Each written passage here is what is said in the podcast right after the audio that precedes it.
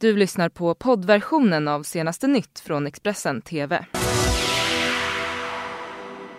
Ja, ni är välkomna till senaste nytt. Det är nyheter från Expressen TV med mig Fredrik Lenander. Så här ser rubrikerna ut. Ja, stor polisinsats i Finland efter att poliser skottskadats. G7-mötet har inletts i Frankrike. Tusentals demonstranter protesterade samtidigt som makthavarna åt lyxmiddag. Och storbrand på grekiska turistön Samos. Flera svenskar har evakuerats från sina hotell. Mm, vi börjar den här sändningen i Finland där två poliser har under natten skjutits i Borgå detta i södra delarna av landet. Det är ännu oklart hur allvarligt skadade de här två poliserna är och under natten har det då pågått en stor polisinsats där ett 20-tal patruller kallats ut och polishelikopter har hovrat över området. Finska tidningen Ilta Sanomat skriver att vägar till och från Borgård har spärrats av under natten och polisen har undersökt förbipasserande fordon. Enligt tidningen ska också flera poliser vara starkt beväpnade och iklädda skyddsutrustning. Polisen har ännu inte meddelat den exakta tidpunkten för skjutningen men i ett Twittermeddelande från polisen i östra Nyland så uppges det att mer information om händelsen kommer att släppas här under dagen.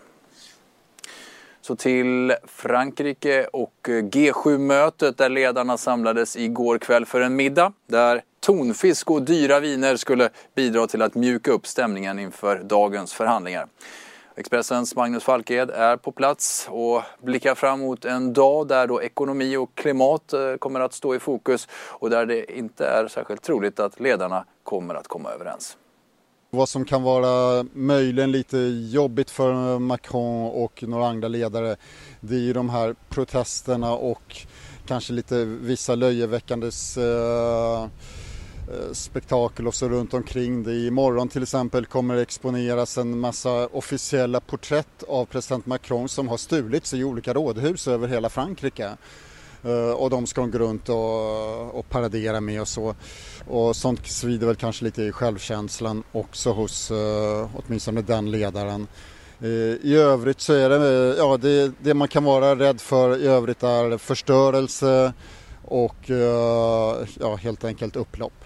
Och här finns det ju mycket att diskutera. Det är ju, vi är mitt uppe i ett eh, nästan gry, ett handelskrig framförallt mellan, som vi, som vi vet mellan Kina och eh, och USA. Men även här har även Trump till exempel varit ute och sagt att han vill chockhöja tullar på, på franska viner och liknande klimat och nu även Macron som går ut och säger att han ska bromsa för Mercosur handelsavtalet med eh, Brasilien.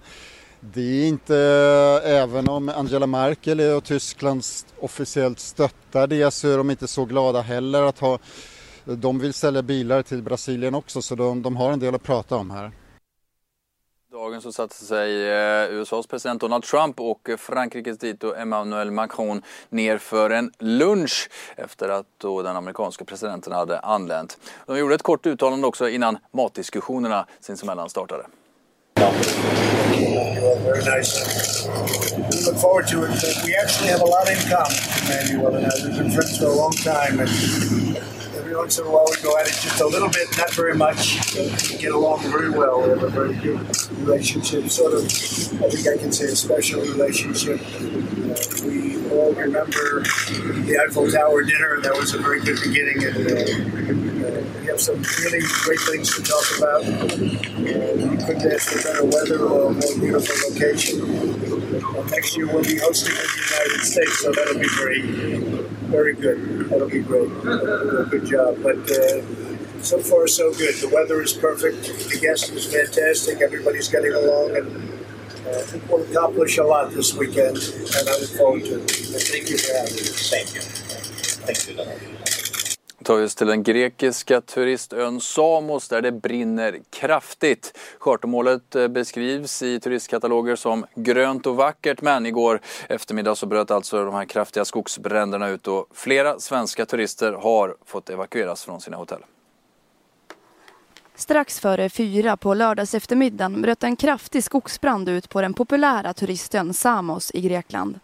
Martina Karlsson och hennes mamma var på stranden när de upptäckte branden vi vänder oss om så ser vi att det är jättemycket svart rök.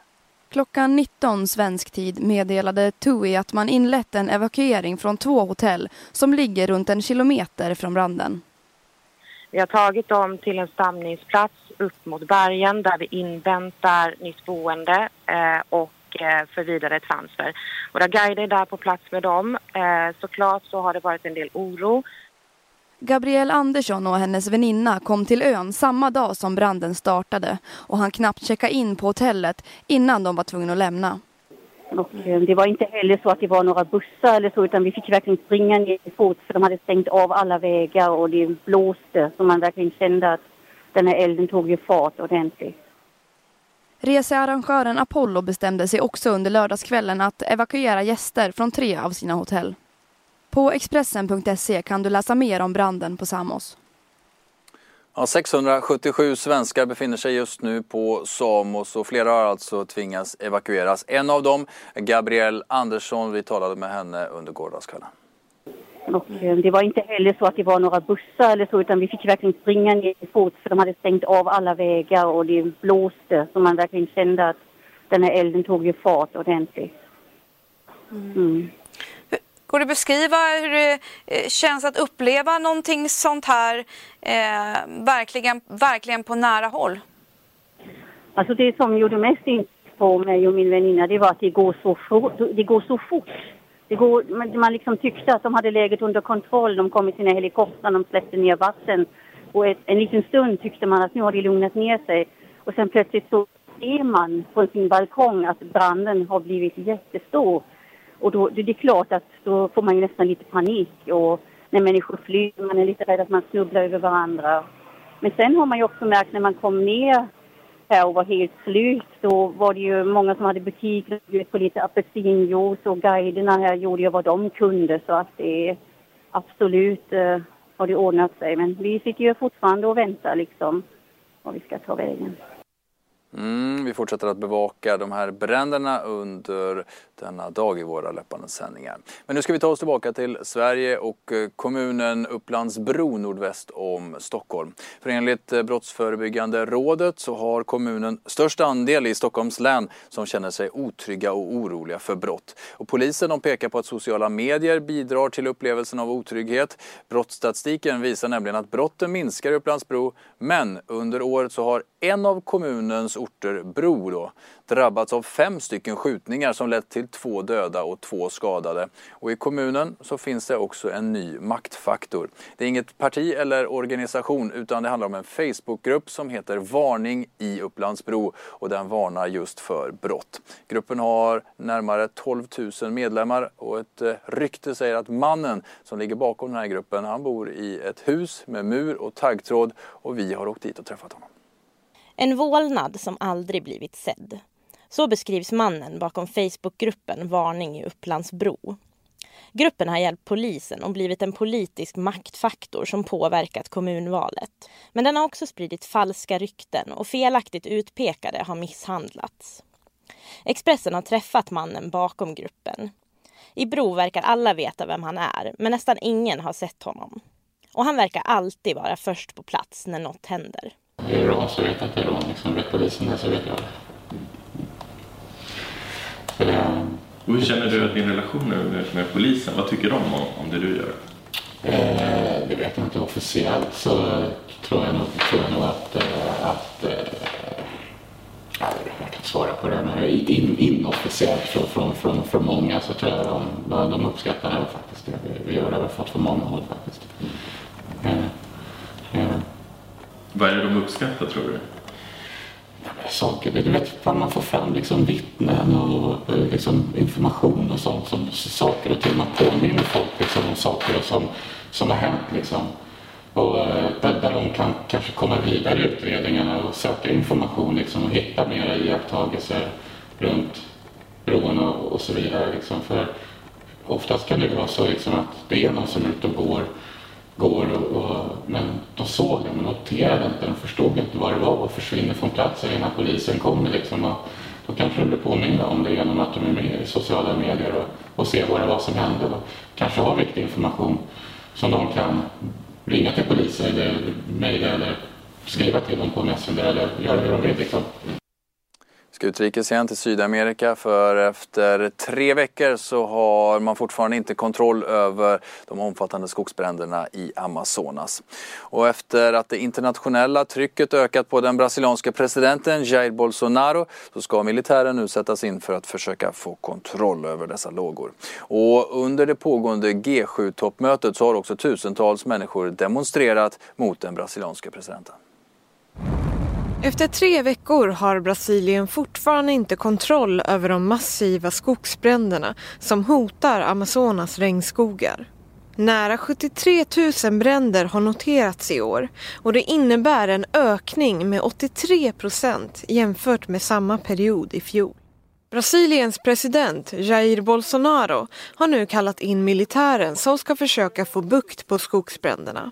Försvarsmakten kommer att samarbeta med räddningstjänst och miljöaktivister i området.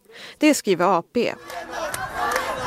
Beskedet kommer efter att tusentals människor gått ut på landets gator och runt om i världen i protest mot Bolsonaros bristande klimatarbete. Han har tidigare beskrivit beskyddandet av regnskogen som ett hinder eftersom det minskar möjligheter för lantbrukare att tillhandahålla området. Kritiker och miljöaktivister har istället poängterat att Amazonas producerar stora mängder syre och att regnskogen är vital i kampen mot att kontrollera klimatförändringarna. Vi ska tillbaka till Sverige och eh, träffa meteorologiprofessorn som säger sig vägra vara aktivist och som är orolig för att Greta Thunberg blivit utnyttjad. Ja, det handlar om Mikael Tjernström som i en stor intervju med Expressens Karin Sörbring säger så här om eh, bland annat då klimatet och Greta Thunberg. Det är ju inte så att, man, eh, att det är bra att man flyger och att man släpper ut koldioxid när man flyger är ingen tvekan. Men just fokuseringen. Eh, jag tycker att eh, det finns många andra faktorer som påverkar klimatet som är oerhört mycket viktigare och oerhört mycket större. Och jag förstår inte riktigt varför man då fokuserar på en så pass liten del som flyget. Likaså har du haft en del tankar kring hur Greta Thunberg figurerar i olika sammanhang. Ja, jag undrar lite grann eh, om inte Greta Thunberg har blivit eh, någon slags eh, gisslan hos eh, våra makthavare. Därför att eh, hon, hon, får ju fara runt och prata om klimatet hos uh, både påven och, och, i Davos och, och, på FN och på många andra platser. Och ändå så händer det ingenting. Jag undrar hur de här makthavarna skulle ha hanterat om man istället hade inbjudit en forskare som hade ställt krav. Är det så att det är lätt att säga eh, någonting fint till, ett, eh, till en ung person och sen strunta i vad hon säger? Vilket är ditt bästa klimatråd till den som på individnivå vill göra viss skillnad? Det beror ju naturligtvis jättemycket på vilken situation man befinner sig i. Va? Men rent generellt till alla svenskar skulle jag vilja säga sluta kör bil. Och där hade du synpunkt på en bensinskatt också? Ja, det där är ju en liten brasklapp. Va? Om det ska vara fem spänn eller en spänn eller tio spänn, det kan man naturligtvis diskutera. Va? Jag tycker att det är lite intressant det här med bilen och svensken. Va? För att det är lite grann som att peta i en gammal sårskorpa. Va? Så fort man säger någonting som har med bilen att göra så blir hela svenska folket upprörda. Av någon anledning som ofta är ganska irrationell. Va? Men faktum är ju att de flesta människor i landet bor i större städer. Den längsta genomsnittssträckan med personbilar som körs, körs också i städer. Och det är också i städer som det finns bra kollektivtrafik. Va? Så att höj bränsleskatten så att man slutar köra bil i städerna och så ger man pengarna till landsbygden så kan de få fortsätta köra bil för där spelar kanske mindre roll och det kanske är viktigare för dem. Mm, hela den här intervjun finns att läsa på Expressen.se. Vi säger tack och hej från den här nyhetssändningen. Du har lyssnat på poddversionen av senaste nytt från Expressen TV. Till förordnad ansvarig utgivare är Klas Granström. Ett poddtips från Podplay. I podden Något Kaiko garanterar östgötarna Brutti och jag, Davva, dig en stor dos skratt. Där följer jag pladask för köttätandet igen. Man är lite som en jävla vampyr. Man har fått lite blodsmak och då måste man ha mer. Udda spaningar, fängslande anekdoter och en och annan arg rant. Jag måste ha mitt kaffe på morgonen för annars är jag ingen trevlig människa. Då är du ingen trevlig människa, punkt. Något kajko, hör du på podplay. Därför är gardinerna.